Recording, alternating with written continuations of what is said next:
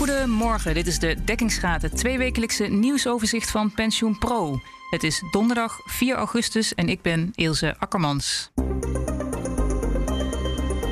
Pensioenfonds Hoogovens verhoogt de pensioenen vanaf deze maand tussentijds met 4,42 procent. Dat doet het om de hoge inflatie van de eerste helft van dit jaar te compenseren. Daarmee gaan de pensioenen van het fonds dit jaar in totaal met bijna 10 procent omhoog. En het vermogen van Nederlandse pensioenfondsen is de eerste zes maanden van dit jaar met 300 miljard euro teruggelopen tot 1517 miljard euro. Dat blijkt uit statistieken van de Nederlandse Bank. De gemiddelde dekkingsgraad nam in dezelfde periode juist toe.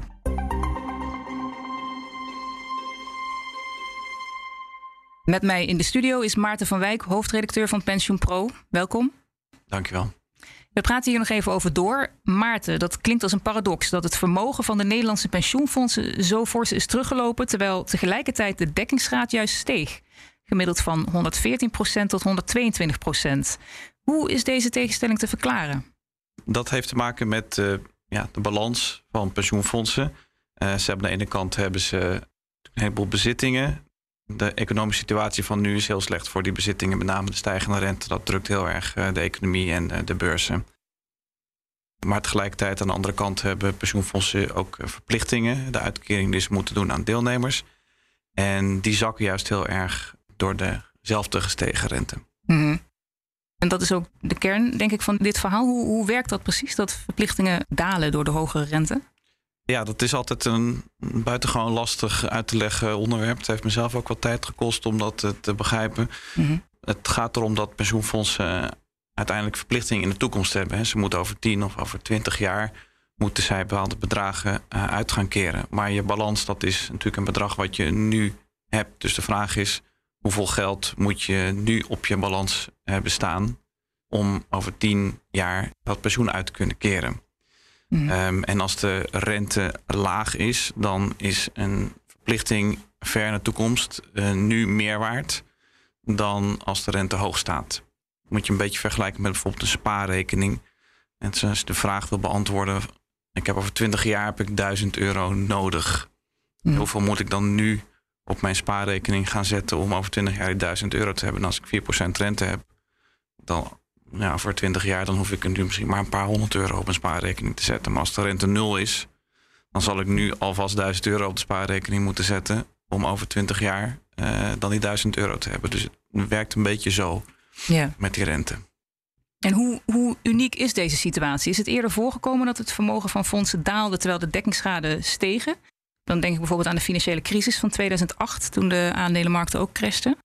Nou ja, in 2008 uh, toen was er ook sprake van een beurscrash. Uh, maar die ging toen ook gepaard met een rentedaling. Dus toen hadden ze eigenlijk twee problemen ineens. -hmm. uh, toen ging het ABP van 140 naar 90 procent. En dat lag voor de helft dus aan de verliezen op de vermogens, maar de andere helft lag aan die uh, rentedaling. Mm En nu hebben we dus een rentestijging, wat op zich goed nieuws is voor de fondsen en een beurscrash. Mm Nou ja, waarom we nu een rentestijging hebben en een verlies op de beurzen en destijds een verlies op de beurzen en een rentedaling. Uh, ja, dat dan begeef je zeg maar in de oorzaken van, van, de, van de crisis enzovoort. Ik mm moet daar beetje altijd op schuldig blijven, want ik ben niet echt een enorme marktwatcher. Mm Maar volgens mij waren de dalende rentes destijds een beetje een reactie op die marktturbulentie. Eh, het begon natuurlijk met een uh, crisis met de verpakte hypotheekobligaties enzovoorts. Mm en toen zijn rentes verlaagd en dat heeft eigenlijk de bol gered. En sindsdien zijn vermogens eigenlijk steeds gestegen. Doordat die rente laag was en ook steeds lager werd. En nu wordt de crash eigenlijk een beetje veroorzaakt door die stijgende rente op zich. Dus in die zin is het wel onvergelijkbaar met de uh, financiële crisis uh, ja. van destijds. Een andere situatie. Ja, en het is zeker ook een beetje een spiegelbeeld van wat we de afgelopen tien jaar hebben gezien. Want de afgelopen tien jaar hadden we natuurlijk ook een paradox. Dat was dat de uh, vermogens steeds toenamen en de dekkingsgraad afnam of steeds laag bleef. Mm. Dus in, en nu gebeurt eigenlijk het omgekeerde.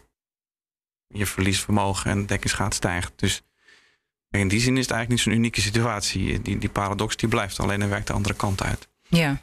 En er is, begrijp ik, in deze situatie een verschil tussen bedrijfstakpensioenfondsen en ondernemingspensioenfondsen. Kun je daar wat over vertellen?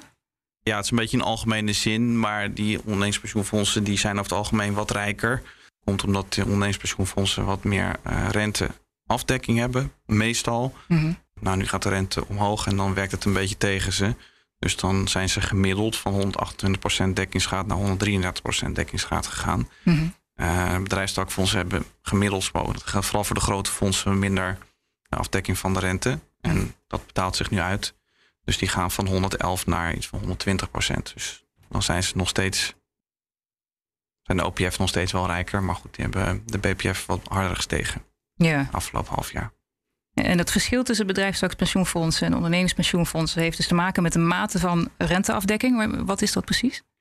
Uh, ja, dat is een verschil tussen. Uh, een ander is bijvoorbeeld de financiering. Uh, ondernemingspensioenfondsen worden vaak iets meer gesponsord door hun werkgever. Vooral als het een rijke werkge werkgever is, mm -hmm. stopt er dus soms vaak wat meer geld in dan bij een gemiddeld bedrijfstakfonds. Dus, maar dat is een heel ander verhaal. Mm -hmm. uh, en die renteafdekking, dat, dat heeft ermee te maken dat je jezelf van bewust bent dat een dalende rente de verplichting omhoog jaagt. En dan ga je uh, beleggingen kopen waarvan je weet dat ze in waarde stijgen als de rente daalt. Dus dan compenseer je dat uh, effect op de verplichtingen. En meestal zijn dat bijvoorbeeld ja, obligaties of renteswaps die naarmate de rente daalt stijgen in waarde. Ja. En ondertussen loopt de inflatie nog altijd op en denken centrale banken na over verdere renteverhogingen. Betekent dit dat de discrepantie nog groter kan worden tussen het dalend vermogen en de stijgende dekkingsgraad? Nou, alles kan. Het zijn, het zijn financiële markten. Dus als ik dat van tevoren wist, dan zou ik rijk zijn. Dat zegt het cliché. Maar in juli zijn de cijfers net van binnen. Is het eigenlijk al een beetje gekenterd. Uh, de rente is in juli behoorlijk gedaald. Mm -hmm. En prompt stegen ook weer uh, de beleggingen. Dus uh, dekkingsgraad is alweer een klein beetje gezakt. Ja. Ondertussen verhoogt pensioenfonds Hoogovens de pensioenen vanaf deze maand tussentijds met 4,42 procent om de hoge inflatie van de eerste helft van dit jaar te compenseren. Uh, daarmee gaan de pensioenen van het fonds dit jaar in totaal met bijna 10 procent omhoog. Tot nu toe verhoogde volgens mij geen enkel ander fonds de pensioenen zo fors. 10% in één jaar uitdelen, dat heb ik in ieder geval nog niet gezien. Ik heb niet alle fondsen bekeken. Ja. Um, maar dat is wel veel.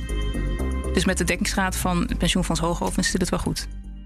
Ja, nou, het is wel ietsje minder nadat ze hebben geïndexeerd. Maar ze uh, stonden eind juni op 134 procent. En Mhm. mm -hmm. eind van deze maand is dat 126 procent ongeveer. En dat heeft dus te maken met die indexatie. Ja. Over de periode voor uh, deze indexatieperiode is er nog wel een indexatieachterstand van ongeveer 20 procent. Die wordt waarschijnlijk voorlopig niet ingehaald, begrijp ik. Want daarvoor moet de beleidsdekkingsgraad boven de 134 procent uitkomen. Wat is daarvoor nodig om dat te kunnen halen? Ja, wel vrij veel. Um, want ze staan dan eind juni, sorry, eind juli staan ze op 126 procent. Mm -hmm. En die beleidsdekkingsgraad, dat is een gemiddelde van 12 maanden. Dus rekenkundig gezien moet je dan uh, ja, toch wel de komende maanden heel fors boven 126 komen om dat gemiddelde natuurlijk omhoog te trekken. Ja. Um, of je moet bijvoorbeeld een jaar lang op 134 staan. Dan heb je uiteindelijk ook een gemiddelde van 134. Ja. En maar je moet natuurlijk wel, uh, ja, om een gemiddelde omhoog te krijgen, moet je wel langere periodes uh, hoog zitten om te compenseren voor lagere standen. Ja. Dus ik, ja, dat zie ik voorlopig nog niet gebeuren. Maar dat heeft ook weer te maken met renteontwikkelingen. Dat zal te maken hebben met hoe de dekkingsgraad van het fonds zich uh, gaat ontwikkelen de komende tijd. En dat heeft inderdaad weer te maken met rente en met de ontwikkeling van het vermogen. Ja. En die 9,75 procent krijgen deelnemers in ieder geval. Uh, de verhoging kwam dit jaar in drie delen. Waarom is dat zo? Nou, dat is in allerlei stapjes uh, is dat verlopen. En eind vorig jaar hebben ze eigenlijk het eerste besluit genomen. Er was een gedeeltelijke indexatie van 3,68 procent. Gedeeltelijk omdat uh, de periode waarover ze indexatie gaven... de inflatie eigenlijk 5,11 procent was. Mm -hmm. um, en dat was op basis van ja, de huidige regels eigenlijk... of de normale regels uh, die gelden. Dus Ja. konden ze niet maximaal 3,68 geven. Nou is er in juli is er een uh, algemene maatregel van bestuur ingegaan... waarmee de overheid uh, beoogt dat pensioenfondsen eerder en meer kunnen indexeren. Specifiek kunnen ze indexeren vanaf dekkingsschade van 105 in plaats van 110% En er zijn nog wat andere regels versoepeld. En die gaven eigenlijk aanleiding voor het fonds om die gedeeltelijke indexatie van begin dit jaar um, alsnog volledig te maken. Mhm. Dat komt met die nieuwe regels. Dus dat is eigenlijk deel 2 van het verhaal. En dan kom je, dan kom je in totaal op 5,11. Ja. En het meest uitzonderlijke is dat het fonds daarbovenop nog heeft gezegd: we gaan nu kijken naar het eerste half jaar van 2022. Want dat oude indexa eerdere indexatiebesluit dat ging eigenlijk over het jaar daarvoor. Plus nog een aantal maanden. Dus het ging over 2000, deel 2020 en 2021. Mm -hmm. Dat eigenlijk voor de meeste fondsen die hebben geïndexeerd. En de indexatie die ze nu geven, die gaan over 2021 of eerder. Ja. Maar dit fonds zegt al, weet je wat, we pakken de eerste half jaar van 2022. En dat was een periode met heel hoge inflatie. Die hoge inflatiecijfers die we nu kennen, die doen zich echt voor zeg maar, sinds het begin van de Oekraïne-crisis en de gascrisis en de oliecrisis en al die zaken. Mm -hmm. Dan zeggen nou, dan gaan we nu alvast tussentijds gaan we indexeren. En dat, dat is bijzonder omdat fonds over het algemeen jaarlijks indexeren. Mhm. En dit fonds doet het nu over voor een half jaar. Ja, dat heb ik ook nog niet eerder gezien. Ja. Als er wel bij zeggen, het is ook eigenlijk als je over nadenkt niet zo heel gek. Want bijvoorbeeld de AOW, en die gaat twee keer per jaar omhoog. Per januari en per 1 juli. Ja. Waarom een pensioenfonds niet? Ja, ja, dan heb je een punt. Het komt inderdaad uh, weinig voor, hè? drie indexaties per jaar. Kunnen we dat nu ook van andere fondsen gaan verwachten? Nou, in ieder geval hebben een heleboel fondsen dit jaar al twee keer geïndexeerd. En dat mhm. heeft te maken met uh, die invoering van de nieuwe regels. Um, dus één keer niet of deels begin van het jaar op de basis van de oude regels. En dan een tweede moment uh, soms een aanvulling van het eerste. Mm -hmm. of er nog een aan. Het zou kunnen dat er een aantal fondsen bij komt, wat inderdaad ook nog zo'n derde indexatie gaat doen. Want volgens Hoogovens er schijnen een aantal fondsen te zijn die dat nu overwegen.